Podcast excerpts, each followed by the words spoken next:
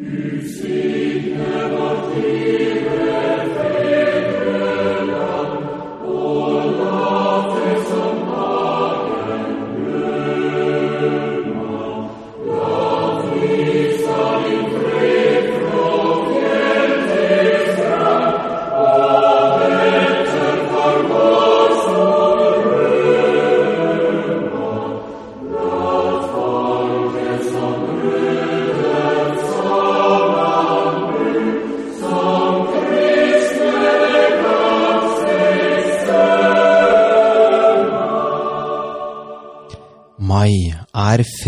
frihetens måned. Temperaturen stiger, sevjen stiger, bjørkeløvet spretter, og vi river av oss klærne og drikker øl i parker og griller på bitte små engangsgriller som lager stygge, stygge merker i gressplenen. Men med mai så kommer liv og røre, og dette er måneden for de store og små hendelser. Og denne gangen skal vi i Løvebakken snakke om denne vakre, lyse og lette måneden som bringer håp. Og Monica, du valgte denne sangen som vi hører på nå, som heter Fedrelandssalmo. Hvorfor i all verden vil du at vi skal spille denne? Mikkel, det er fordi at Fedrelandssalmen er en av de to store sangene som gjør oss litt blank i øynene på 17. mai. 17. mai, som er dagen hvor vi feirer grunnloven vår, som ble undertegnet på Eidsvoll i 1814, også kalt nasjonaldagen. Den andre store sangen er jo Ja, vi elsker, som er selveste nasjonalsangen. Eh, grunnen til, tror jeg i hvert fall, at begge disse to er slags jamstelt på eh, 17. mai, er at eh, eh, Fedrelandssalmen er på nynorsk. Ja, den er utrolig vakker. Altså, er jeg får litt sånn eh, litt tårer i øynene når jeg hører den. Den er helt Ja. nydelig. Ja, Akkurat som er Ja, vi elsker. Den bringer frem noen følelser. Yndig. Ja. Og det, ikke sant, altså teksten 'Nå er det i Noreg atter dag'. Det går nesten Bjørnson eh, en høy gang her. Ja. Unnskyld, jeg avbrøt deg. I Norge går atter I Noreg er det atter dag. Nå er det i Noreg atter dag. Det skal vi komme tilbake til hva det betyr, men det handler om frihet. Ja. Og det gjør jo også 17. mai. handler også om frihet. Men tilbake da til salmen, som er skrevet av Elias Blix.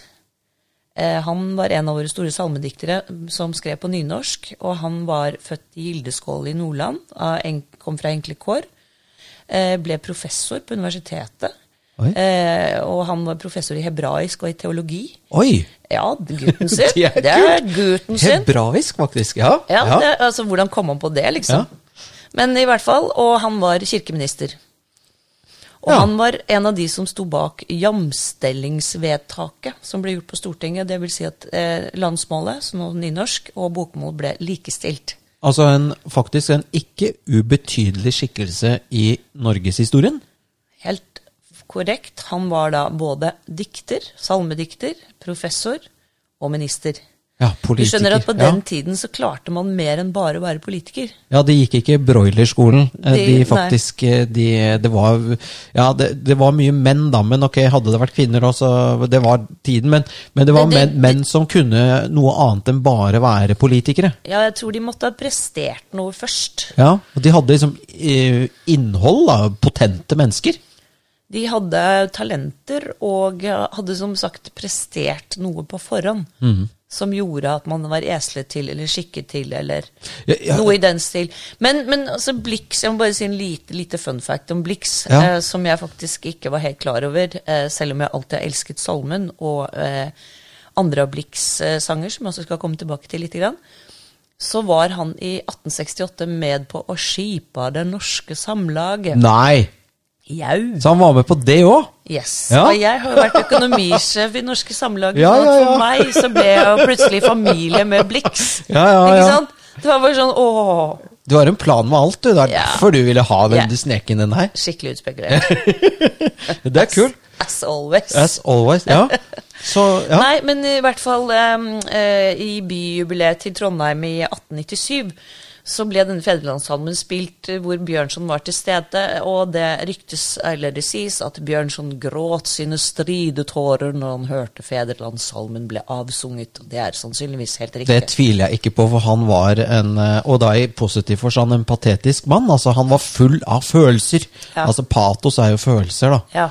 Men, men, men tenk deg at denne politikeren og eh, salmeskriver Han har jo på en måte skjenket nasjonen denne vakre salmen. Det er jo en gave til oss og etter, ettertiden. Det er det, og han har også skrevet noe livnar i lundar'. Den har sikkert alle hørt. Noe laua stei li', 'Den heile skapning stundar'. 'Nå fra mot somarstid'. Det er også en vårsang. Ja, tenk om våre politikere i dag kunne skjenket oss slike ting, Monica, istedenfor bare eh, firefelts motorvei gjennom et fjell, eller, Eller, eh, eller elektrifisering av norsk sokkel og sånne ting. eller røde, stygge sykkelveier hvor ingen sykler. Eh, ja, ikke minst sykkelveier som ingen sykler. Altså, For tenk om 13 milliarder kunne tror jeg de har laget sykkelveier for nå. Ja, fytter, For fem Ja. sånne akademikere som bor i, på Bekkestua, som skal sykle inn Det er helt forferdelig. Ja, men- ja, men og tenk på, tenk om Og de er jævlig usympatiske tidligere. de, jo, men, er jo det. Ja, det er kjempeusympatisk, men tenk deg det om vi hadde hatt politikere som kunne skjenke nasjonen slike vakre eh, gaver som dette, som står seg i ettertid òg, som, som gjør at du blir stolt av både politikeren og landet ditt. Det hadde jo vært fantastisk. Det, det er ikke mm, Det er ikke så veldig stort håp eh, om det, tror jeg. Eh, at eh, Politikere, lytt veldig nøye til Løvebakken nå. Viktig melding, litt på pod. Ja, altså Før var det litt på radio. Nå må dere finne fram eh, på en måte Hva heter det for noe? Eh, diktersjelen i dere og skjenke eh, nasjonen eh, Øse av deres eh, kjærlighet for landet. Tror du ikke det blir en, en på 17 vers om FNs bærekraftmål eller noe sånt piss? Antageligvis så blir det en sånn der eh, forferdelig greie. Altså, som ingen gidder å synge Ja. at all. Nei. Nei, for denne fedrelandssalmen under, ja. altså i 1905, når eh, unionsoppløsningen var et faktum, Ja. ganske mange år etter, eh, etter Eidsvoll, Mm. så var det like før forsamlingen, tingforsamlingen, brøt ut i, eh, altså for å synge fedrelandssalmen. Det ble klubbet ned av I Stortinget? I Stortinget. Det ble klubbet ned av presidenten siden det var upassende i Stortinget, men altså, det sier jo litt om hvilke følelse de hadde med at de endelig var kvitt eh, det svenske overformynderiet. Ja, at vi hadde vedtatt at nå var vi et fritt land. Og det kommer jo inn på noe annet som er litt morsomt, for det raser en debatt om at Norge er jo en ung nasjon, Monica. Vi er jo vi, er, vi, har så vidt stikket, vi stikker så vidt opp på skotuppene våre og krabber rundt på gulvet som en baby. En rik baby av alle de andre landene i verden som er så eldgamle. Men stemmer det? En rik, tykk baby som ty pisser i buksa for å holde varmen. Ja, ja, ikke minst. Som er full av Som ligger på oljerespirator. Ja, faen, vi er jo der nå. Altså, Vi det er er helt der nå. Ja. Men altså, det er, det er jo en eh, Jeg vet ikke hvorfor man går rundt og sprer den type løgner om at Norge er en ung nasjon. Fordi at eh, det var jo et eh, slag ved Hafrsfjord. Hvilket årstall var det, Mikkel? I 872 i Hafrsfjord. Og det var sjølveste Harald Hårfagre. Og hva var det han avsluttet med det slaget? Ja, så det var, Du kan kalle det er rikssamlingen. Da, han, han, da samlet han Norge til ett et rike. Og hvor fikk han den ideen fra at Norge skulle bli et rike? Du kan si at Det var liksom første gangen hele landet var samlet. Men det hadde jo vært en enhetlig sak fra før, siden han fikk ideen. Ja, altså Det kan ikke bare være sånn at han plutselig våknet opp en dag altså, Han må jo ha hatt inntrykk av at Norge var et land. Eh, altså et, et, en nasjon, da, eller et rike som han ville styre over. Han Ja. hadde nok et inntrykk av at Norge var eh, et avgrenset område hvor man snakket det samme språket, mer eller mindre. Samme skikker. Samme skikker. Uh, og eh, da at kulturen var lik. Mm, og den ideen kan han ha fått, for han var nemlig som ung og sett som et eh, altså Han blir jo kalt for ikke bare Harald Hårfager, men Harald Dovrefostre. Så han ble fostret av Dovregubben eh, på Dovre. Og Dovregubben var altså ikke et troll, men en, antageligvis en vis mann, da, en type trollmann. Han var nok en intelligent eh, og vis mann. Mhm. Og da ble man jo fort kalt trollmann i gamle dager. De brant jo da kvinner som, eh, som prøvde seg, og ikke, ikke bare var yndige. Ja, som ikke bare var helt innenfor A4-rammene. De ble brent Ja, og, og. Dovre er jo Norges hellige fjell. Alle land har et hellig fjell. Og da kan Ja. man trekke linjene fra hårfagre og opp til forsamlingen på Eidsvoll, for de avla jo en ed som heter enig og tro til Dovre faller. Det var det de avsluttet riksforsamlingen med. Det er helt riktig. Og hvor fikk de den ideen fra? Jo, de hadde jo De kunne sin historie. Det kunne de, og de visste også at eh, Norge hadde vært en nasjon i eh, flere tusen år. Ja, for i motsetning til dagens politikere, som bare har gått broilerskolen, og som kan norsk historie fra 1990 og frem til i dag, altså, så Som er, som er skrevet av folk som har bachelor i sosialt arbeid. Ja, de har skrevet i historiebøkene. Ja, ja, det er jo helt eh, Men ja, altså poenget er at i 1814, de som eh, var samlet der, de hadde nok eh, lest sin historie og kunne De kunne mye om landet, og de hadde en visjon for å samle Norge etter eh, 400-årsnatten.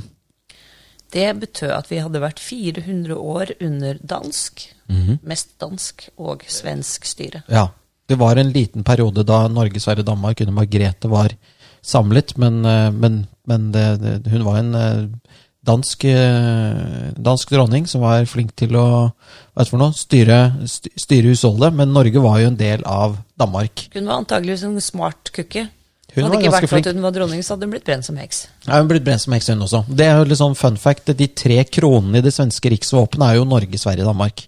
Det er, litt litt, morsomt. Det er litt deilig. Det er litt deilig. At de sitter der med tre kroner, og så tror de at de, de har funnet på det selv, liksom. ja, fuck it. Ja, Ja. fuck it. Eh, Men, men tilbake til Norge og 1814 og Eidsvoll og alt dette som eh, bringer oss opp til det. Det hadde jo også da Norge var 400-årsnatten. Vi var i union med Danmark i 400 år. eh, Og så får du da napoleonskrigene. Danmark er, har tatt parti med Napoleon fordi engelskmennene har bomba dritten ut av København eh, for å forhindre na Napoleon i å få tak i den dansk-norske flåte, som var eh, regnet som den en av de største i verden den gangen. Det var kun den som kunne utfordre eh, engelskmennene på havet.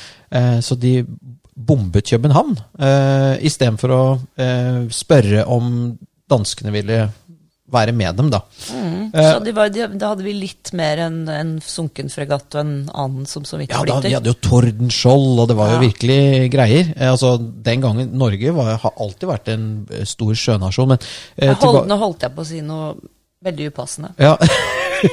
Nei, men poenget var at Danmark eh, Etter at engelskmennene bomber dritten ut av København, så, de, så går de selvfølgelig med Napoleon. Det er jo litt sånn, det sier seg selv. Eh, og så taper Napoleon, og så eh, må Norge eh, De må gi fra seg eh, Norge til Sverige. I det som kaltes for Kiel-freden, ikke sant? Kielfreden mm. som krigsbytte.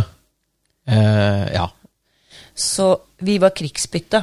ja. Vi ble liksom bare behandlet som en sånn pose mel eller ja, altså Slaver, en, en eller- ting. Ja. Vi skulle bare gi bort Norge. Eh, Sa vi vi give bort til den? nå. no, Ja, nå. Ja. no. Og grunnen til det var jo han eh, eh, Sverige hadde jo fått en kronprins som, som- het, som var fransk. Nettopp. Jean-Baptiste Bernadotte. Det er derfor de kalles for Bernadottene, de dottene der borte. Dottene der borte er mm. Ja. Men det som skjedde underveis der, var jo uh, dette med uh, at Norge ble avstått til Sverige. ja. Men fikk han derre Bernadotten med seg helt hva som var Norge? Fikk han med seg egentlig alt? Dotten hadde ikke lest historien om Norgesveldet, som lå nordover, og det var jo Færøyene, Island, Grønland Og vi kan jo bare ja, nevne i fleng hva som var Norge. Så Så derfor fikk jo han som var fra Paris ja. Han skjønte jo ikke det, så når han fikk Norge, så tenkte han ok, greit, det er fint. Ja. Og så satt jo danskene igjen med Grønland og Færøyene. Og Island. Og, og Island. Altså, nå er jo Island selvstendig, men altså at Færøyene og Grønland skal være dansk, er jo rett og slett absurd. Ja, men altså, Island hadde jo kanskje vært norske For Island eh, ble ikke selvstendig før sånn litt ut på 50-60-tallet, tenker jeg. Ja, så det De kunne også vært norsk. de, Ja, jeg tror nesten de hadde hatt lyst til å være norske nå. Og det som er, ja, og det, Ikke sant? Og det som er saken, er jo at på den tiden hvor Harald Hårfagre drev og feide rundt med håret sitt, ja, ja. så snakket jo færøying- færøyingene og islendingene og, og nordmennene samme språk. Ja, det er gammel, eller liksom det, altså det, du, det de De- de- snakker på islandsk i dag, er jo slik vi snakket før. Ja, de sier jo gudsonner. Ja, Det ja. er gudsønn, ikke sant? Gudsønner, og det er Ja, gudsønner. Dette er norrønt. Ja, der, der var det vel. Vi prater jo en sånn dansk-tysk eh, versjon versjon Ja, altså okay. det vi snakker, er jo Det er jo norsk i dag, men det islendingene snakker, det er på en måte the shit, da. Det er the shit, fordi det, det Ivar Aasen inspirerte Han var jo inspirert av gammelnorsk mm og, og av dialektene. Ikke sant? Fordi at det der bokmålet var et oppkonstruert språk, eller riksmål, Mhm. som var eh, avledet av tensk. Yeah.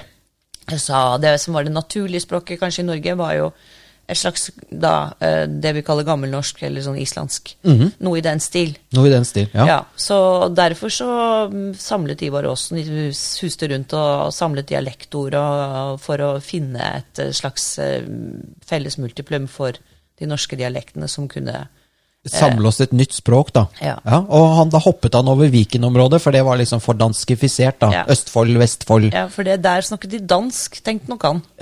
Eh, på en måte. Ja, ja. ja så men da det, tenkte Ivar Aasen det tar vi ikke med, for det er jo ikke, dan det er jo ikke norsk. Nei. Der snakker dansk. Bortsett fra Ja, at eh, Og så hoppet han sikkert over Bergen òg, tror du ikke? Jo, det må han ha gjort, for det, det tror jeg også. Han tenkte på at det var hansiateren. Han tenk, ja. ja. det er mulig. ja. Mm, det er bare tyskere der, tenkte han. Tøskere! Og det kommer vi tilbake til litt senere i, i podkasten er tøskere som har bestemt. Ja, men, men eh, det jeg skulle si var jo eh, Så har du da en del eh, danske embetsmenn, men som har bodd i Norge så lenge at de føler seg norske. Aall, Løvenskiold, Wedel, Anker og litt sånne.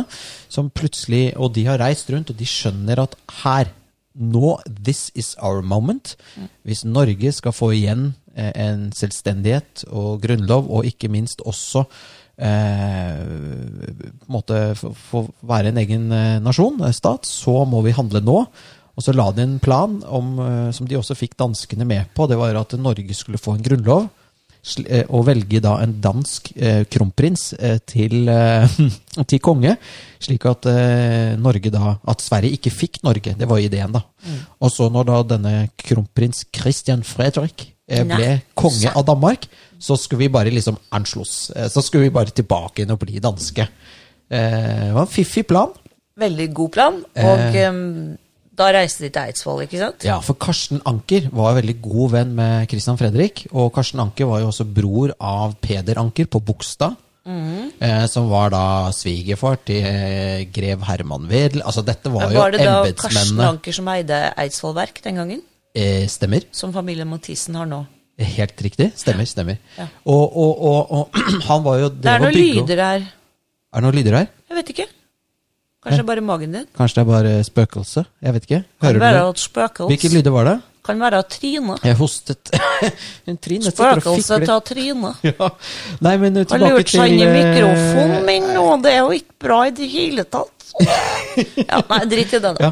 Nei, vi, vi um, em, Jeg tenkte på Han bygget jo da Eidsvoll Verk, altså det hovedhuset der, som var veldig stort og flott og greier, så han hadde jo plass til å ha mange folk på besøk. Ja, for de var ikke der bare den ene dagen. Nei, de var der dritlenge. De var der i april, eh, mars Altså, ja. Jeg husker ikke, men i hvert fall en måned. For det var ikke sånn at de var liksom enige i løpet av et blunk. Det var det ikke. Det var, gikk ganske hardt for seg der. Ehm, så bare til liksom, eh, detaljen. Um, Danskekongen gir jo da eh, Han eh, velsigner prosjektet, da. Slik at For du kan ikke bare lage en grunnlov uten lov fra statsoverhodet. ikke sant? Da er det Ja, for da ville det blitt anarki. Ja, og, og på en måte et statskupp, da. Ja. Ja, så, så det, Som det egentlig var. det, var, det var jo det. Et statskupp. Men det skulle ha et skinn av legitimitet, og da måtte man ha en Da- kronprins. Ja, og, og danskekongen som sa ja, dere skal få en grunnlov. Eh, Danskene var jo ikke der ennå. Eh, Ja, og så samler man da sammen eh, masse vise menn fra hele landet til å komme til Eidsvoll for å diskutere Norges grunnlov. Som baserer seg på eh, Den franske og den amerikanske. Yes, helt riktig. Constitution. The Bill of Rights. Yes, Mhm. helt riktig. Så de, de hadde jo noe å gå ut ifra, et utgangspunkt. Ja, Og eh, de ble jo enige til slutt, og signerte dette her da eh, 17. mai 1814. Ja, det men det, altså, Vi kunne helt sikkert snakket i flere timer om hva som skjedde på Eidsvoll. For det var jo to grupp, grupperinger. Du hadde jo Patriotene med Christian Magnus Falsen, som ville at Norge skulle være selvfølgelig Norge, altså uavhengig. Og så hadde du da unionistene, som var Løvenskiold og Aall og Wedel Jarlsberg og Anker. For de var keen på å, å liksom fortsette dette, eller late som å fortsette med danskene? Nei, nei, de ville inn i union med Sverige. Eller, Ah, ah. de ville ikke inn i union med Sverige, men vi må huske at Kiel-freden var slik at Norge hadde blitt gitt bort. Og disse visste hvordan eh, realpolitikk fungerte. Det visste ikke patriotene. Eh, så de, de visste at hvis Norge ville ikke gå inn i en union med Sverige, så ville det bli krig med Sverige. Men Ble det ikke en liten krig, da? Det ble Tyttebergkrigen, det er helt riktig. Eh, og at Jean-Baptiste Bernadotte var jo mest kjent for å være den etter Napoleon en av de største hærførerne i Europa, som svenskene hadde valgt til sin kronprins nettopp fordi at han var en tøffing. Og, så at eh, han, eh, Bernadotte, ville jo aldri go godta at Norge ikke ble med i unionen med Sverige. Så at dette her var liksom eh, Du kan si disse, disse som hadde sett litt mer enn bare lokalområdet, som skjønte storpolitikk, de, de så på dette som en sånn tretrinnsrakett. Først grunnlov, med svenskene i union, og så jobbe for friheten. Eh, Over for å- tid. over tid og under, underminere en svensk makt i Norge, og så frihet. Og det var jo den linjen som kom, fordi vi ble jo i union med Sverige. Ja. Mens utopistene, disse som hadde mye bruste i blodet og Falsen? Falsen, ikke sant? Han skulle liksom ha Norge eh, som en selvstendig rike og, og inn i union De ville Danmark. egentlig det samme, de bare ville velge litt forskjellige veier til målet. Nettopp. Og disse da Wedel Jarlsberg og Løvenskiold, Severin Løvenskiold Mm. eh, og Bare merk dere navnene, folkens. Herman, Severin, altså hva disse gutta het. Ja, ja. Christian Fredrik, Ja, ja. Hans Henrik, skjønner du? ja og Bernt. Og Bernt Anker. Ja. Han var liksom sånn og Karsten. Ja, Karsten og Nei, han het ikke Peder. Nei, ikke Bernt. Det er en etterkomning. Sorry. Kortslutning. Mm. Ja, kor ja. Nei, fordi dette, dette er jo navn med historisk sus. Mm. Eh, men de ville De hadde, de hadde vært ute og reist i verden og annet kjente godt til for så vidt Bernadottes eh, renommé også. Mm. Og visste at det var ikke lurt å velge den veien som patriotene ville. ja faren til eh, Wedel eh, hadde jo vært ambassadør i London og i Wien. Så han skjønte storspillet.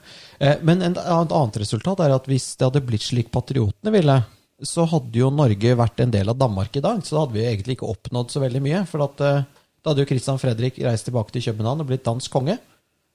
Sant? Eh, over Norge og Danmark. Så da, da hadde, og det første flagget som de la frem, var jo et dansk flagg. eh, Som vi snakket om i podkasten om flagget vårt, med en, en riksløve. Så det var egentlig Guds lykke at vi kom i union med Sverige, egentlig. Jeg tror du ikke danskene ville ha gitt slipp på oss? Nei, det tror jeg ikke. Nei. Du vet jo hvordan de er. Med Bang Olufsen og yeah. Mersk og Lego. Lego. De er gode kjøpmenn, vet du. De er, eh, de er ramme. De hadde ikke trada bort Norge så lett, vet du. Nei, det tror jeg ikke. Enda de satt igjen med, med Island og Færøyene og Grønland, så burde de jo egentlig være nøgd Ja, Men til syvende og sist så vant de jo, for at den norske kongefamilien er jo dansk. Det er riktig, fordi Til kong Haakon heter jo egentlig prins Carl. Ja. Sånn at vi har jo Det er danskene, altså. Det sitter dansker der borte. Hva er det heter for noe igjen? Glucksborg. Drammensveien 1, eller hva heter det? Jo, er ikke det? Jo, jeg tror de har skiftet adresse. Eller er det Ibsen, Henrik Ibsens gate? Er det? Ja, Henrik Ibsens gate 1. Mhm. der, bor, der bor en haug med dansker. er ikke bra. Og er sjefer i Norge. Ja. Nei, så, så det var eh, 1814. Eh, ja, og hva var det vi egentlig fikk, eh, bortsett fra Alle tror jo at eh, 17. mai handler bare om å spise iskrem og pølser. Ja, Det er jo egentlig en feiring av, av Grunnloven og nasjonaldagen vår. Men i starten, altså etter 1814, som du sier, så var vi fortsatt i union med Sverige. Så det var nok ikke sånn spesielt populært borte hos han Bernadotten. Og ble vi et demokrati?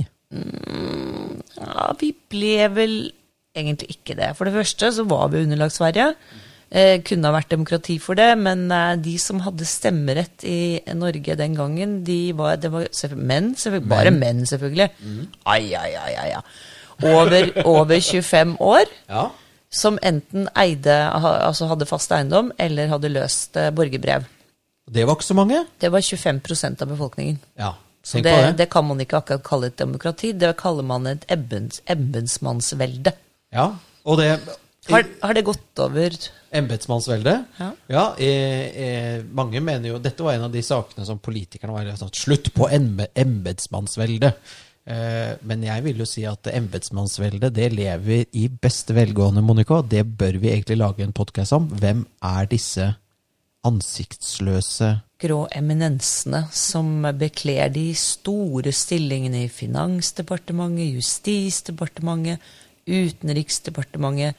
Hvem er de, hvilke familier er dette, hvordan er ja, dette, dette skal Hva har de på matpakken? Ja, hvor bor de? Hvor drar de på ferie? Nettopp. Hvem gifter deres barn seg med? Sånne ting. og det er faktisk ganske spennende, fordi eh, Ja, altså 25 hadde stemmerett. Eh, så det var jo ikke sånn veldig Det var ikke sånn et blomstrende demokrati, men det var en god start, da. Mm, Men de hadde jo dette Stortinget, da, ikke sånn som samlet seg hvert fjerde år. Ja. Og det var jo da disse ikke sant, eh, Bondetinget, holdt jeg på å si. Bondetinget. Ja. For det var odelsting og lagting og slikt, men det trenger vi ikke prate om, for det er parlamentarisme og tull og tøys. Men det, det kom en-. Det kom senere. Som en utvikling av Ja. En demokratisk utvikling. Ja.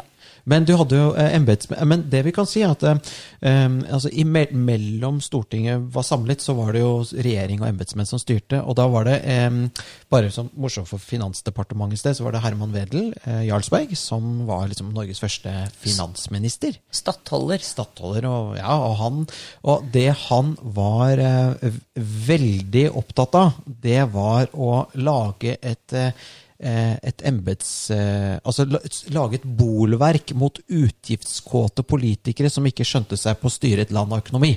Høres det kjent ut? Høres veldig, veldig kjent ut. Fordi du kan tenke deg Hvis du er finansråd i Finansdepartementet, da, Ja, Da er du sjefen. så, så er du sjefen, og så ser du kommer det, kommer det statsråder. De kommer og går. Og flere og flere av dem, vil jeg påstå, eh, etter hvert som årene har gått, eh, har ikke kunnet engang blitt innkalt på intervju til en juniorstilling på forværelse i Finansdepartementet. Nei, faktisk, hvis de skulle De, de, de har blitt finansministre eller justisministre, men de hadde ikke fått jobb der hvis de hadde søkt på vanlig måte. Nei, fordi det ville de ikke vært kvalifisert til. fordi at eh, Særlig finans og justis, som er de, liksom, de store, gamle departementene som har stått liksom, fast hele tiden. For du vet, Plutselig så har vi distriktsminister og tulleminister og sånn. Ja, eh, eh, modernisering og dataminister, eller Ja, slike ting. Ja, ja. ikke sant? Og da, da er det gjerne tre-fire ministre i samme departement og tull og tøys. Ikke sant? Men, men finans og justis og, ut, og utenriksdepartementet kødder du liksom ikke med. Nei, det, det er helt riktig. Og de som sitter eh, i Finansdepartementet, altså det er, det er en meget kompetent eh, stab som sitter der. Det skal vi ikke stikke under en stol. Og det er klart at når de liksom får inn først uh, Kristin Halvorsen fra SV som, uh, som Og det var sånn ramaskrik. Og hvordan skal det gå? Vi Ja. får SV som finansminister. Nå går det til helvete! Men gjorde det det? Nei.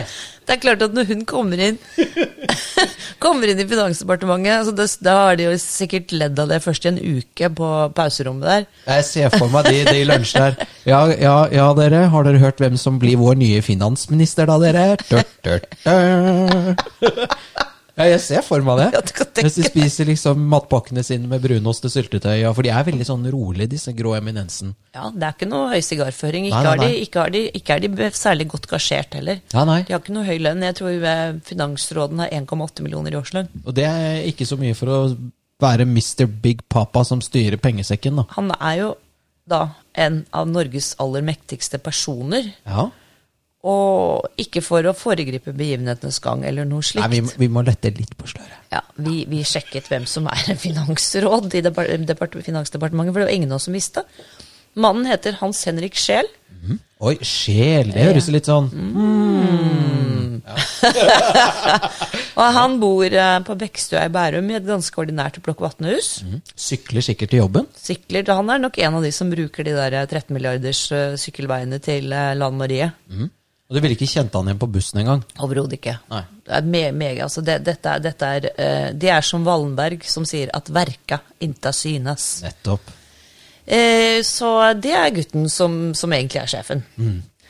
Og eh, det, altså, ingen av dere har sikkert hørt om han før heller. Men det har jo, ja. Vi skal tilbake til eh, dette embetsmannsverket i en senere pod, men et lite, bitte lite fun fact til før vi går videre med Mai, du skjønner Milde. Det er nemlig at eh, eh, hans sønn, Hans Herman Scheels sønn, Carl eh, hva var det, Carl Christian eller Carl Fredrik? Carl Fredrik, Christian Fredrik, Christian Fredrik Scheel Ja. er gift med Ragnhild Ultveit Moe, datteren til Jens Ultveit Moe. ja. Og Ragnhild jobber jo eh, som rådgiver for Høyre. På Stortinget, og, Og har sittet i styret i Civita. Ja. Så det er liksom sånn en liten, sånn liten klikk med mennesker som det er, Det er spennende. Og det er jo mange som har lurt på hvorfor Jens Ultveit Moe får så mye taletid på TV. Han som har investert i bare tullball og grønne prosjekter som har gått helt på ræva, og er nærmest konk. Mm, Men får uttale seg som en ekspert uten at den eneste journalist spør han et kritisk spørsmål. Altså, Nei, det, er, det er rart med det. Det er liksom et sånt uh, usynlig nettverk av mennesker. finansråden i Norge er svigerfaren til datteren. Skjønner du? Ja, jeg skjønner det. Uff, Kødder ikke da, ikke kødder ikke der. Nei, men, men det er tilbake Ja, men eh, embetsmann Altså, dette bolverket vi, Dette kommer tilbake i neste Mm. men, men uh, ja, Norge blir jo da styrt av disse familiene.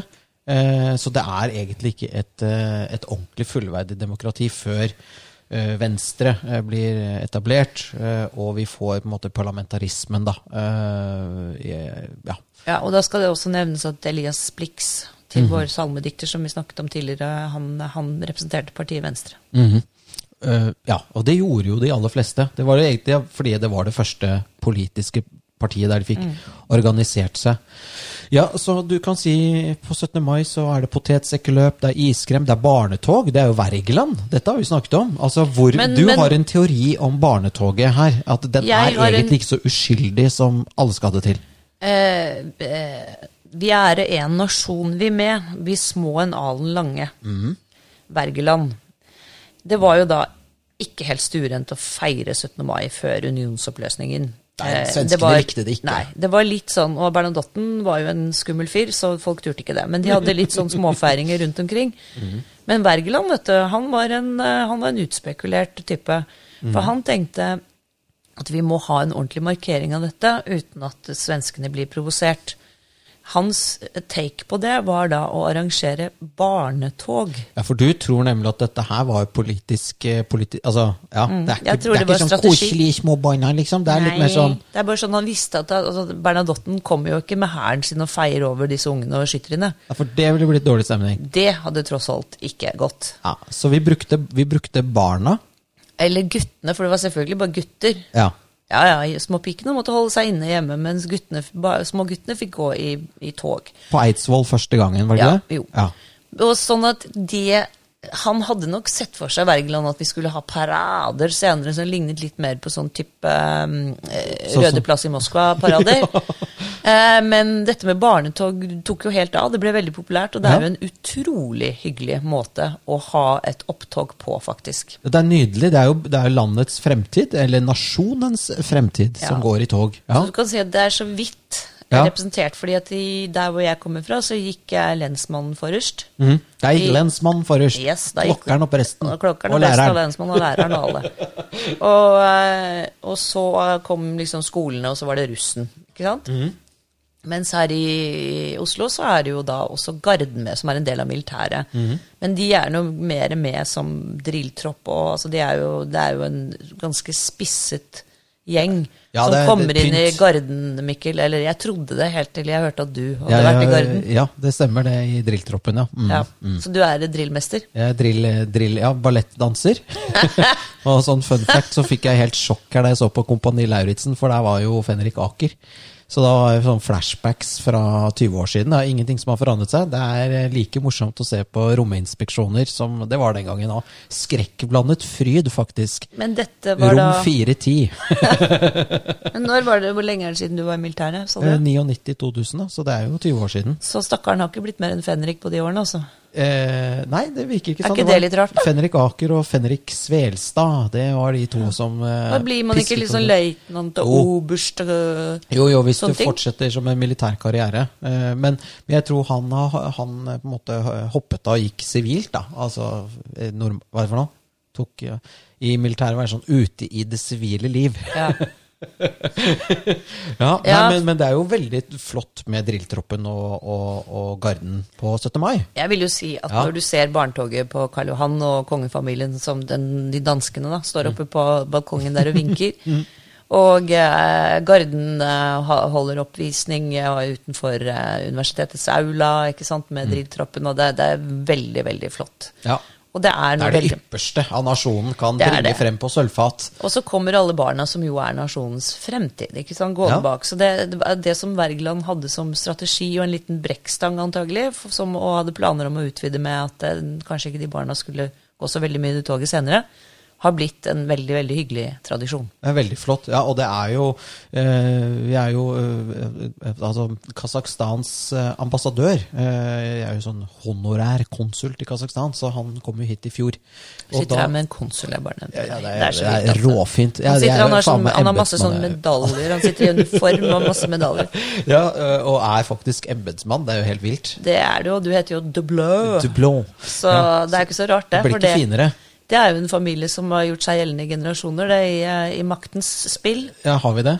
Ja, det vil jeg si. Vi, jeg, vi liker jo ikke syns, da. Nei, jeg bare tuller. Nei, Jeg snakker om de der eh, Oi, oi, oi, oi. Ja, men, men, men, men bare tilbake til Verka eh, inn til synes. Verka inn til synes. Men det jeg skulle, han kom jo til i, i mai i fjor, og da prøvde jeg Og da, da blir han jo invitert Alle ambassadørene blir invitert på lunsj på Slottet.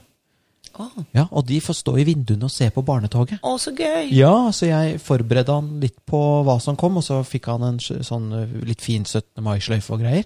Og han var helt Altså, det, altså det, Sad ud, som de sier på Sørlandet. Ja, fordi alle andre land kjører liksom alle atomvåpnene sine opp forbi Enten er det en røde plass, eller Ja. i, i, i Frankrike så er det Ja. opp Champs-Élysées. Ja. Det er krysseraketter, og det er Generaler og og, det er bare krig og faenskap. Det er jo det. Ja. Det er bare det er sånn derre Du legger pikken på bordet, liksom. Unnskyld uttrykket. Bare Se så stor pikk jeg er. Ja. Og så bare Å, vi har enda større. Vi har, vi har den pikken. Og så har du Nord-Korea som har synkrondansepikk. Faen, nå er jeg stygg, altså. Men det er, mens vi kjører liksom Og han bare syntes det var helt fantastisk at Norge Han bare Ja, dette er derfor dere er en fredsnasjon. Altså, vi har We got away with it. Altså, vi kom oss unna med Tyttebergkrigen, som varte bare sånn i 13 sekunder, holdt jeg på å si. Ja. Ja, eh, ja, og så klarte vi jaggu meg i 1905 å bryte ut av eh, Union. unionen uten et skudd ble altså, Hvilke land i verden er det som gjør det uten at det er mayhem? Det har du absolutt helt rett i. Og det var vel altså, det kunne det var vel et bitte lite tilløp til at det kunne blitt en liten skandale. fordi at når Stortinget var samlet i 1905 for å vedta denne unionsoppløsningen, og alt var signet og ferdig, så holdt forsamlingen på å bryte ut i fedrelandssalmen. Ja, som du sa. Ja, ja, ja. Men ja. de ble klubbet ned av presidenten ja fordi det var upassende oppførsel Nettopp. i Stortinget. nettopp. Så det er vel eneste. Som holdt på ja, Kunne ha provosert eh, Dotten. Dotten litt. Nei, men det var nok Selvfølgelig var det spenninger, altså det, men, men, men det er jo et kunststykke å kunne få eh, frihet uten eh, blod og Ja, uten blod og stål, da. Det er jo det. Altså du kan si disse eh, da eh, Wedel Ja. og Løvenskiold disse, som la opp til den strategien i 1814 på Eidsvoll, mm. de gjorde det helt riktige. ja de har ikke blitt takket for det.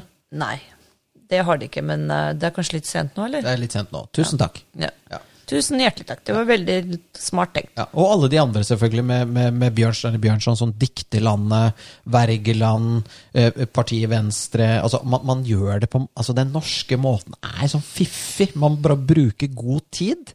Ja, og så var det vel liksom Det, det, ble, det ble vel en sånn sterk på en måte markering av at Norge var selvstendig og forskjellig fra Sverige. Ja, ja, for vi bygget opp vår egen historie og våre egne helter.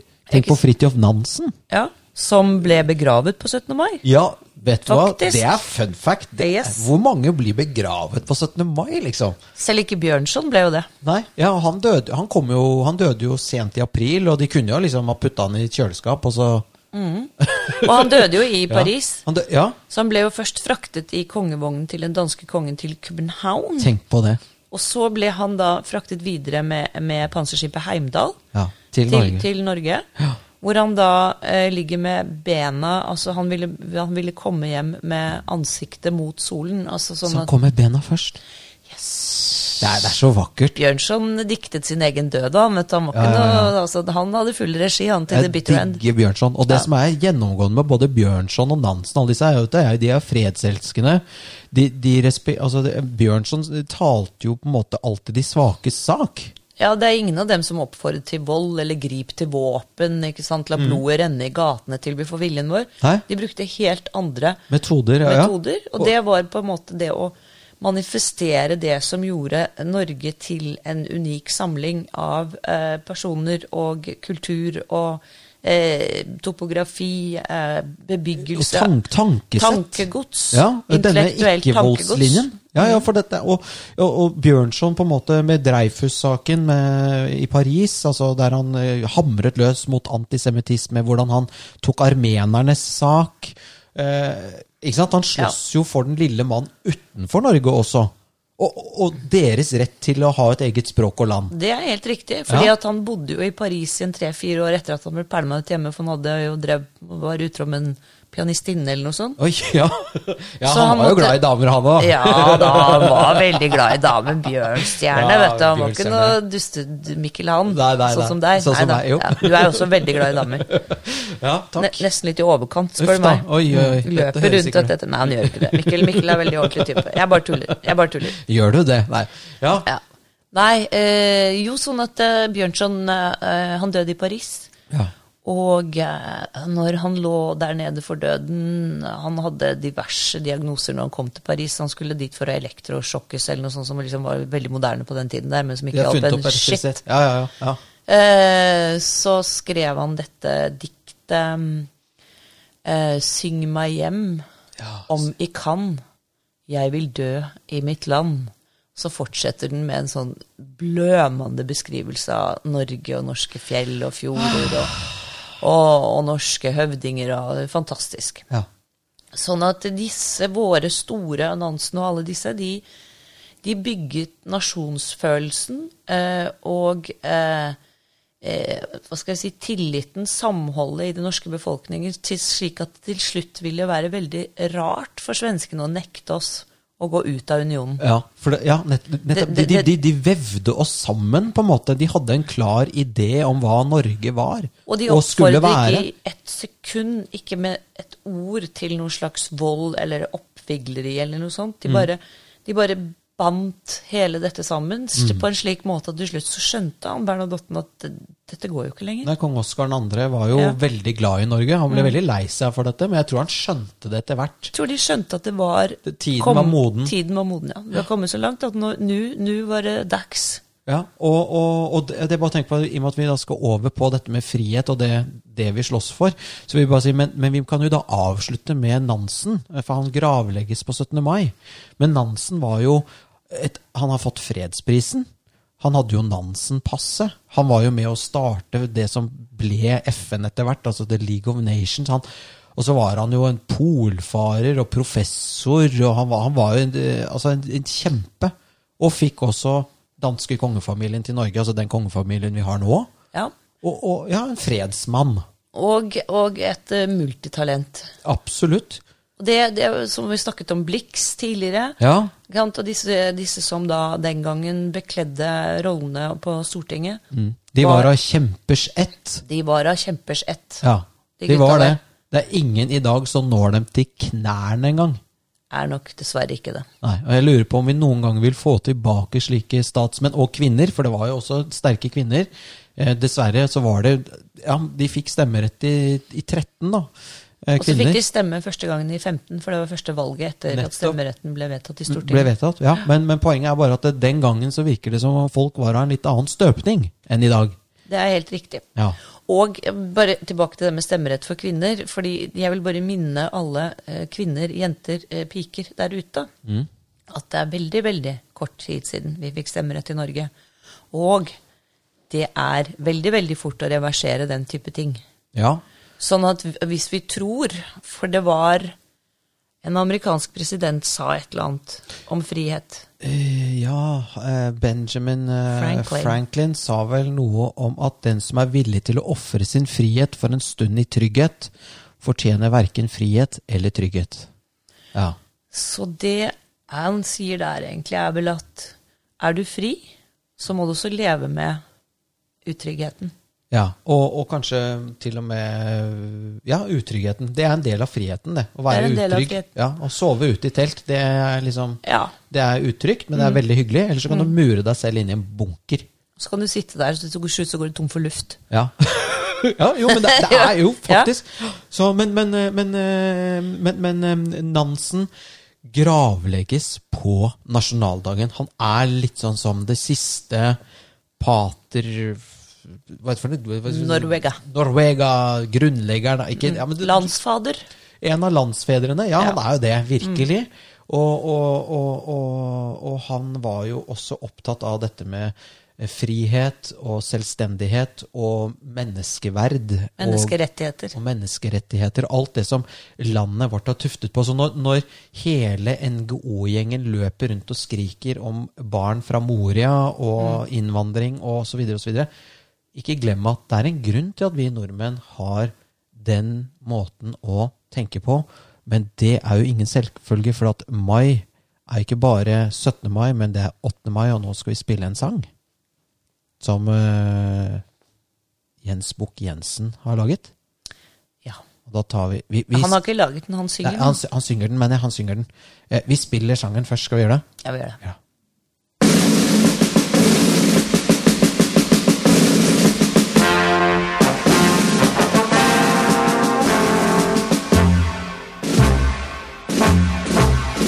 Hvor hen du går i li og fjell.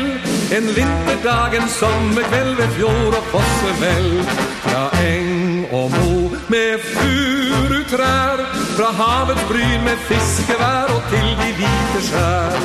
Møter du landet i trefarvet drakt svøpt i et gjenskinn av flaggets farveprakt. Ser en som sammen med opp i heien Rammer stripen av blå klokker den rødmalte stuen ved veien Det er flagget som veier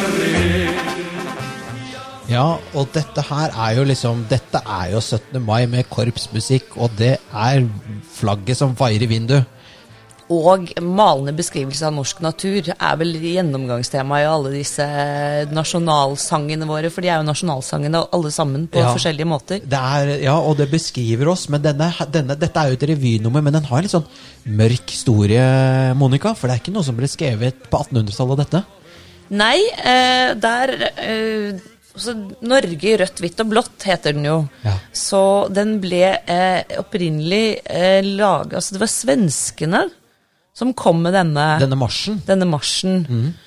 og det skulle være en Hva var det du kalte det igjen? Obligasjonsmarsj. Obligasjonsmarsj, for de skulle selge obligasjoner som skulle komme den svenske hæren til, til gode. Altså Ja. et så merkelig opplegg. For å kjøpe patroner og gevær. Ja, bøsser og så der. sådär. Ja, bomber og Bomber og granater. Ja, Men Vasaskip, det var- Sveriges Han du skal heve det. Du skal ha penger til å heve det. Ja. Sånn, Nei, ja, vi, har, vi har jo et skip. Det Ja. ligger jo her ute i havnen. Det ligger her drukna. Men vi skal jo til inn til noe veldig, veldig mørkt og vondt, og det er jo okkupasjonen.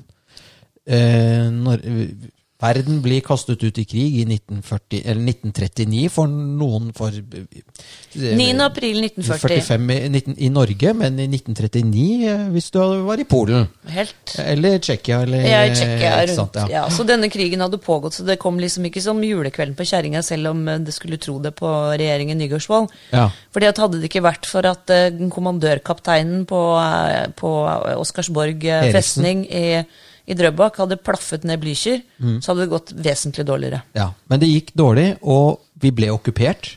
Vi ble okkupert, men kongefamilien og regjeringen kom seg i sikkerhet. Ja, og drev eh, motstandsarbeid derfra. Fra, og, det, mm, ja.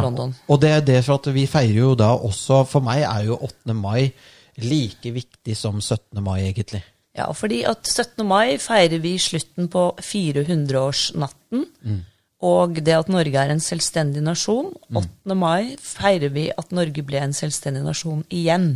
Et land. Et ja. land. Etter fem års okkupasjon av tyskerne. Ja. Ikke bare okkupasjon av et altså, fremmed folk, men av en, eh, en ideologi eh, og eh, som var forferdelig. Så strider imot alt det vi nordmenn eh, tenkte på. Vi er jo, Hvis du tenker på Nansen og Bjørnsons ånd, da, og Wergeland Så, så var jo eh, nazismen, som jo av en eller annen inkurie, sikkert av disse som skriver historiebøkene, de der som har bachelor i sosialt arbeid, de, de later jo som om nazismen hører til på høyresiden. Den hadde jo sitt utsprung, eh, utsprung i nasjonalsosialismen, altså eh, arbeiderbevegelsen, sosialismen i Tyskland.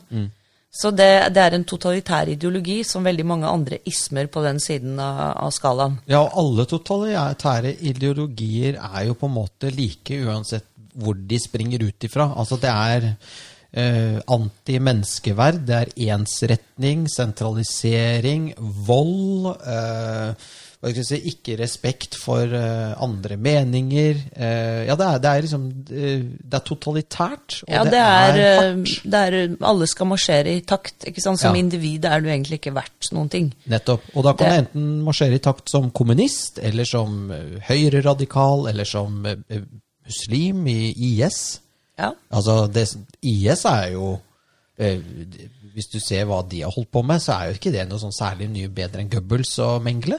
Absolutt ikke, og det er jo selvfølgelig en, eh, en altså det, Og så, så, så blir dette liksom gjort sånn veldig betent ting, og så skal man liksom stemple folk som det ene og det andre. Men, men nazismen hadde dette, denne rasehygieneteorien i tillegg, at det var den hvite rasen som var overlegen alle andre raser. Oss mot dem. Oss mot dem, og, og jødene var da tydeligvis ikke regnet som hvite mennesker. Nei, de var untermensch. Ja, men det som var saken var jo at jødene var übermensch, ikke sant? De var smart, mye smartere enn disse folka her, så Ja, de det det tålte likte de jo ikke. Nei, de liker ikke det. Men de gjør jo ikke det. Det er ingen på den siden der som liker noen som er tenker selv. Nei, som er smartere enn Og det er det, er det farligste. Ja, og det, men det Men i er hvert fall det- hele denne, denne kloen som ble, som ble lagt over Norge av, av nazistene, eh, var jo betydelig verre enn de 400 årene vi var under Norge, eller Danmark og Sverige. For det var tross alt bare Altså, det var jo ikke noe uh, snakk om at vi skulle bli heldanske eller pæredanske eller helsvenske eller påtvunget da, bortsett fra de embetsmennene som snakket dansk fordi det var praktisk, så var jo resten av landet hadde jo språket sitt. Så det, det, var, det, var ikke, sånn- det var ikke noe sånn påtvunget, noe ideologisk i forhold til at uh, alle skulle spise mortensgås og ikke sant, eller alle måtte Ja, vi var jo på en måte Man gikk i kirken, og Vi kong, vårt. kongen var i Køb København, og man var på en måte sammen, men, men det vi Men har tyskerne er ville jo altså ha alle inn under samme kam, alle skulle marsjere i takt. Ja, ett Og- parti. Ja.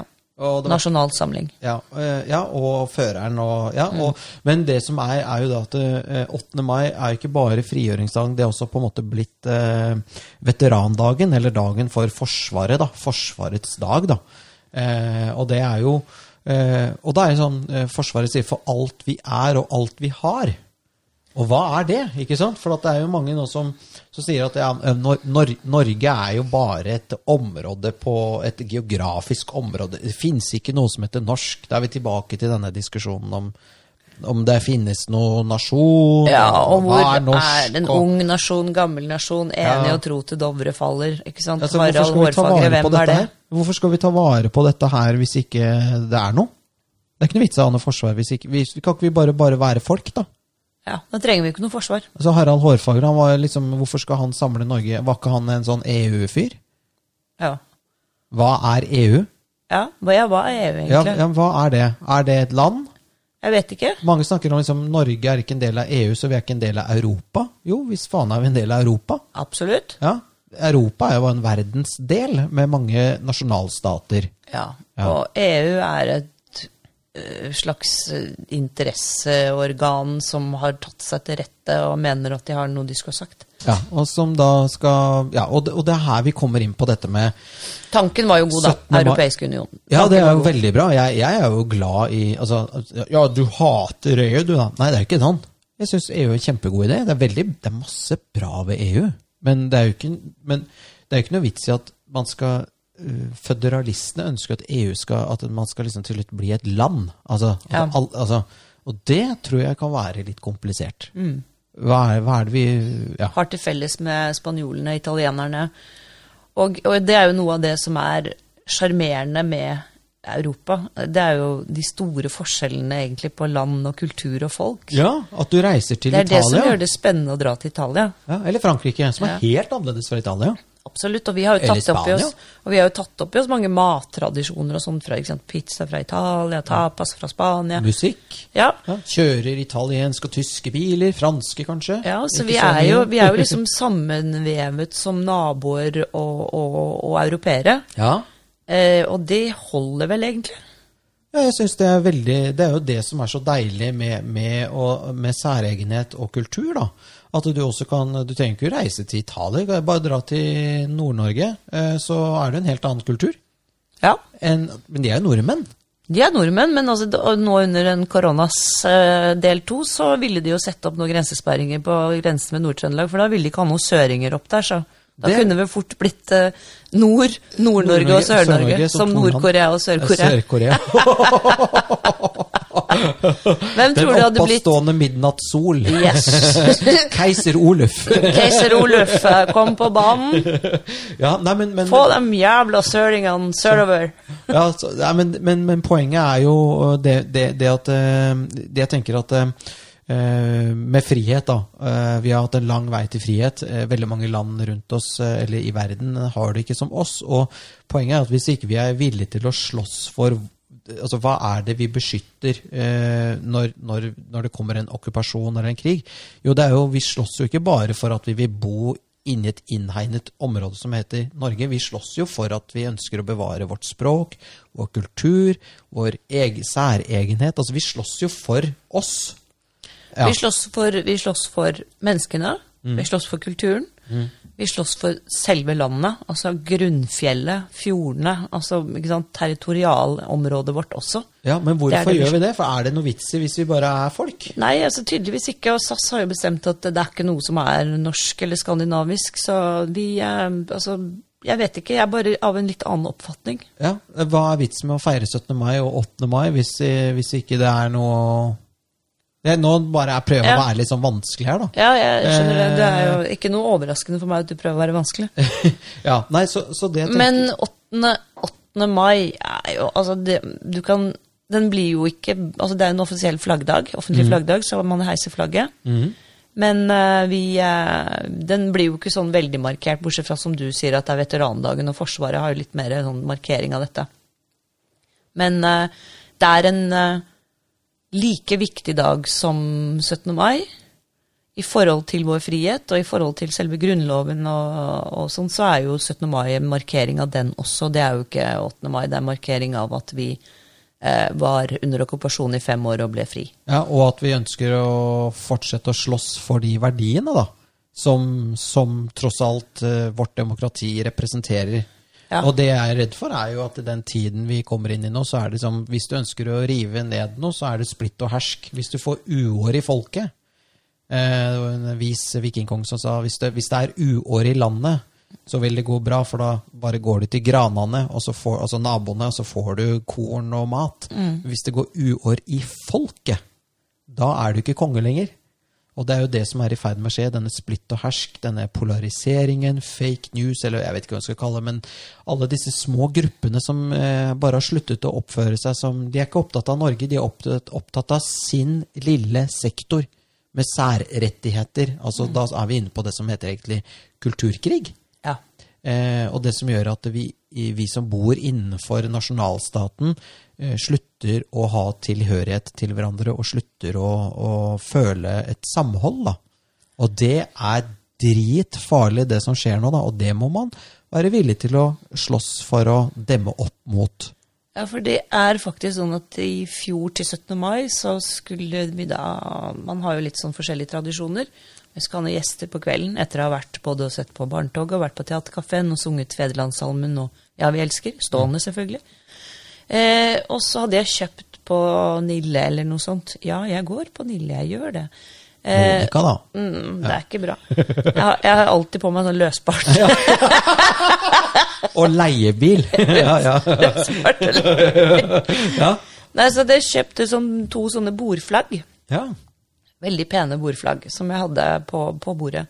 Så lot jeg det ene bli stående på bordet, og så fikk jeg en sånn følelse av er det stuerent nå? et, altså Før så hadde man jo det. Ja, norske flagg, ja. Fremme, Ja. eh, inne. Gjerne på en sånn lite sånn, sånn, sånn Liten liten flaggstang. Sånn som, og så tenkte jeg, så fikk jeg en sånn følelse av at da, da har du tippet over og blitt sånn nazist som sitter oppe i lom Ja. og messer på chanter på sånne gammelnorske eh, regler Ja, og mener at alt er bare fy. ja, ja. ja. Og er blitt nasjonalist. Da er du blitt nasjonalist, ja. Og det er stygt. Og det er stygt, det. Ja. Det er så stygt. ja. Og det er jo bare trist. Ja. At det skal være stygt. Det er jo det, altså det flagget, når det står på bordet hos deg, så bør du tenke på at det har mine besteforeldre blødd for. Det representerer alt som er flott ved Norge. Det representerer kvinnefrigjøring, det representerer samelaget, det representerer eh, dikt, det representerer kultur, tradisjon, mat, og også pizza Grandiosa. Og til og med Bergen, fordi at det er Til jo og med Bergen, Det er jo funnet opp av en bergenser. Ja, Meltzer, var det ikke det han? Meltzer, ja. Overfiskeskraper? Nei. Ja, overfiskeskrapemester. Mester, ja. Vår kjære venn Meltzer. Mm, Ja. ja. Så selv Bergen er med der. Til og med Bergen. Det forener oss sammen. Og det at noen nå prøver å gjøre det norske flagget om til noe sånn skummelt nå, og det å være nasjonalist, det er også negativt. Det skjønner jeg ikke. For det, alt det som er i Norge i dag, er bygget opp av jeg vil kalle det patrioter og nasjonalister, og det er derfor det er godt å bo i Norge. Og fredselskende sådanne, når du tar opp Bjørnson, Wergeland, Nansen, alle disse her som aldri i et nanosekund manet til noe annet enn bruk hodet. ikke sant? Vær, vær norsk, vær patriot, men ikke ty til våpen eller vold. Mm. Ja, du kan For å kunne der- klare det. Den, eh, den prøyssiske nasjonalismen, den, den militære nasjonalismen, den er negativ. Ja, for da ser du for deg en sånn, sånn som marsjerer med litt sånn hane... Ja, og alle disse tullingene som drar fram kuken og klasker den på bordet for å altså, Ja. Type sånn når Ja. du ser Macron stå og, og, og vinke til atomraketter som blir kjørt forbi. Det er en type nasjonalisme som jeg hater. Mm. Ja. Eller Den røde plass-nasjonalismen. Hater det. Eller Nord-Korea. Det er jo militærnasjonalisme. Det er bad. Det er bad. Det er bare, det er bare maktdemonstrasjon som er bare usmakelig. Ja. Eh, mens vårt barnetog, da Ja, og øl i parken. Ja, det, det, er, det er på en måte en, altså, en fredelig Mhm. måte å markere en nasjon på. Mm. Som ikke går ut på makt uh, og må vise at jeg har større pikk enn deg. Mm, altså samhold. Mm. Og det er dette her som, som jeg tror kanskje er det viktigste med denne podkasten nå, som vi har snakket en time. Vi skulle snakke om 17. mai, og det har vi gjort, og 8. mai okkupasjon. Det er rett og slett at vi er nødt til nå å begynne å tenke på denne Jeg kaller det en intellektuell okkupasjon. Altså, du hadde nazistene her som, som kom oss med vold og skulle forandre samfunnet vårt, og nå er vi i ferd med å, å begynne å spille eh, vi er, vi, vi, Hvis vi ikke tar vare på eh, landet vårt og på, og på tradisjonene våre og kulturen vår og eh, denne væremåten vi er på, så, Så går det uår i folket. da går det uår i folket. Og det er mye som tyder på, dessverre, Monica, at det er gått uår i folket. Vi har sånn opprivende debatter om man skal gå med pins. Kan du tenke deg noe mer jeg, jeg skjønner at folk er sinte, men, men det er jo forferdelig altså Denne debatten for 15 år siden ville jo bare ristet på hodet. av. Ja. Men nå begynner folk å bli sure, skjønner du. Ja, da man reagerer jo på denne, i hvert fall fra regjeringen og Stortingets side, en slags eh, Forakt, eller? forakt for folk som liksom omtrent heiser flagget på 17. mai. Det er, det er, nest, altså, det er nesten blitt sånn. Ja, og jeg tror at det, at det er Mange ser at ting forandrer seg, men, og de, men de klarer ikke som ikke å sette fingeren helt på det. Ja, hva er det egentlig som skjer? Ja, det er, Hva er det vi er utsatt for? limet i det norske samfunnet er i ferd med å smuldre opp, kan du si det der? Ja, tilliten mellom folk har, begynner å bli borte. Den blir erstattet med mistenksomhet. Mistenksomhet, nettopp. Fordi at vi ikke har politikere som kan lage sånne deilige fedrelandssalmer. Eller typ den som jeg tenker at vi må også ha med i dag, Mm. som er vår eh, Altså, alle står øverst på listen over nasjonalsanger. Ja, vi elsker, som er skrevet av Bjørnstjerne Bjørnson, ja. og tonesatt av Rikard Nordrock. Så det er ikke noen smågutter vi snakker om her. Nei, altså Topp 20-lista kan bare gå og legge seg forever. And ever. and ever. Og det er Og det valgte vi å si sånn- på engelsk. Det valgte vi på nynorsk, som jeg kaller det. da. Ja. Ja, men, men altså det, det, og det, Vi nærmer oss slutten nå, og det tror jeg egentlig er at eh, hvis man skal eh, hele sårene eh, og, på, og, og på en måte nå eh, Det er ikke for sent. Eh, vi feirer 17. mai, vi er glad i landet vårt, men hvis man nå skal begynne å, å unngå uår i folket, så må vi begynne faktisk å lage lim. Og lime oss sammen. Og det er ikke slik at du kan lime et land sammen med menneskerettigheter og FN-pins. Man må ha noe mer enn det. det må, altså Culture beats strategy for breakfast, da. Enda en nynorsk eh, phrase da, som jeg har lært i communication branch. Ja. Ja, helt uh, enig med deg, Mikkel. Og uh, til min overraskelse For jeg sjekket litt uh, i og med at det ikke blir normal 17. 17. mai-feiring i år pga. dette viruset. ja. Så vil det jo ikke være noe barnetog i Oslo. Nei. Men jeg gikk inn og er sjekket er det, er det noe som skjer i byen i det hele tatt. Vi skal være hjemme selvfølgelig, men bare korrekt med fem stykker og noe bløtkake. Ja, hva- Nei da, vi skal ha laks og jordbær og kransekake. Åh. Det er det man har på 17. mai. Ja, laks, jordbær. Ikke, hvor, hvorfor laks, jordbær og kransekake? Det er tradisjon. Å ja, så det er noe som heter tradisjon? Det er det. Åh! Nei, Men det som var så ja. flott, var at på programmet så står det da at klokken 12.55 Ja. så skal alle kirkeklokker i byen ringe. ja, eller hele landet, Så det er ikke noe sånn minaretopplegg, det er kirkeklokker. Ja. Det, er jo veldig, det var jeg veldig positivt overrasket over. Ja. Og så er det da salutt fra Akershus festning klokken ett. Det er jo en vanlig Ja, prosedyre. Ja. Men så, etterpå, så oppfordres alle i hele Norge faktisk til å synge vers nummer én, to og åtte, mener jeg det var, av Ja, vi elsker. Ja. Og da oppfordres folk til å gå ut i gaten, eller ut på balkongen, eller ut på gresset sitt, og synge Og alle sammen vi. klokken 13.02. Så det, Det må alle dere gjøre. huske. Det skal vi jaggu gjøre. 17. mai 13.02. 13.02, ut og Sett synge. på eh. Vekkerklokka, holdt jeg på å si. Ja, sett på, hva heter den, sånn i, sett av på kalenderen, På kalenderen. din med en liten alarm. Med litt alarm. 13.02. Da skal vi gauke fra, fra balkongen. Jeg skal stå ute på balkongen og gauke med dyr fransk champagne. eh, og drikke det som det er norsk hjemmebrent. Ja. Nei, det blir nydelig. Jeg gleder meg. Bløtkake. Krans jeg skal også ha kransekake. Vi skal, Ja. ha, vi skal, vi skal nok, eh, riktignok ha røkt laks, da. Ja, men det er jo Einerøkt. Einerøkt laks. Er ikke det blodnorsk, så vet ikke jeg. Ja, ikke sant? Og bunad. Har du bunad? Jeg har bunad jeg har, Fra Gossen? jeg har bunad fra Gossen, Ja. og jeg har bunad fra Skåveien. Ja. Eh, ja. Ja. Eh, og jeg har en bunad, en beltestakk fra Telemark i tillegg. Veldig bra. Og den fra Skåveien, er en sånn tullebunad? Det er egentlig en tullebunad, men det, det er faktisk den som er aller best av de alle tre, fordi den er mye lettere å gå med. Fordi at eh, både Romsdalsbunaden og, og den beltestakken er heavy shit. Ja, det er tunge greier. Det er Ja. liksom, Du går jo med 15 kilo sau. Ja. Ja. Men eh, nei, vi, eh, vi har bunad hele familien. Veldig bra. Og eh, barna har denne jubileumsdrakten for Oslo. Kjempeflott. Som er riktig, siden jeg er født og oppvokst her. Ja. Så vi, vi og eh, det blir mer og mer vanlig blant ungdommene også med bunad. Altså, det har jo Det blitt en trend vakkert. at de har begynt å gå med nikkers igjen i påsken og sånn. Så, Ja, ja, ja. så det er en slags eh, konservatisme som blåser gjennom de yngre rekker, og det er en konservatisme som på en positiv måte. De søker seg tilbake. Det er limet. De, de, ikke sant? Det er noe med sånn Hvem er jeg? Hva er vi? Hvem er vi? Mm. Hvor kommer vi fra? Hvor kommer vi fra? Ja. Og da ser man på den type ting så enkelt symbol som en nikkers. Amundsen som har fått til det, vår gode venn. Ja. Eh, han er vel noe sånn, ikke barnebarn, men en sånn eh, slektning av um, Sjølveste Roald Amundsen, ja. selveste Roald Amundsen, som også eh, var nok en større polarhelt enn Nansen. Eh, ja. Mens Nansen var en eh, større, hva skal vi si, Diplomat og verdensmann. verdensmann. Ja. Så var nok en uh, Amundsen Menneskerettighetsforkjemper. Ja, uh, Fridtjof. Nansen. Ja.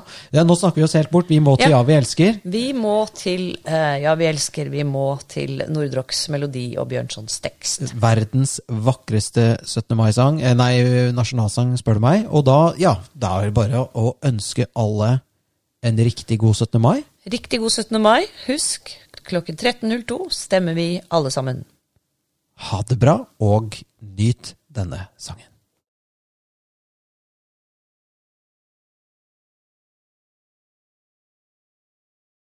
Amen.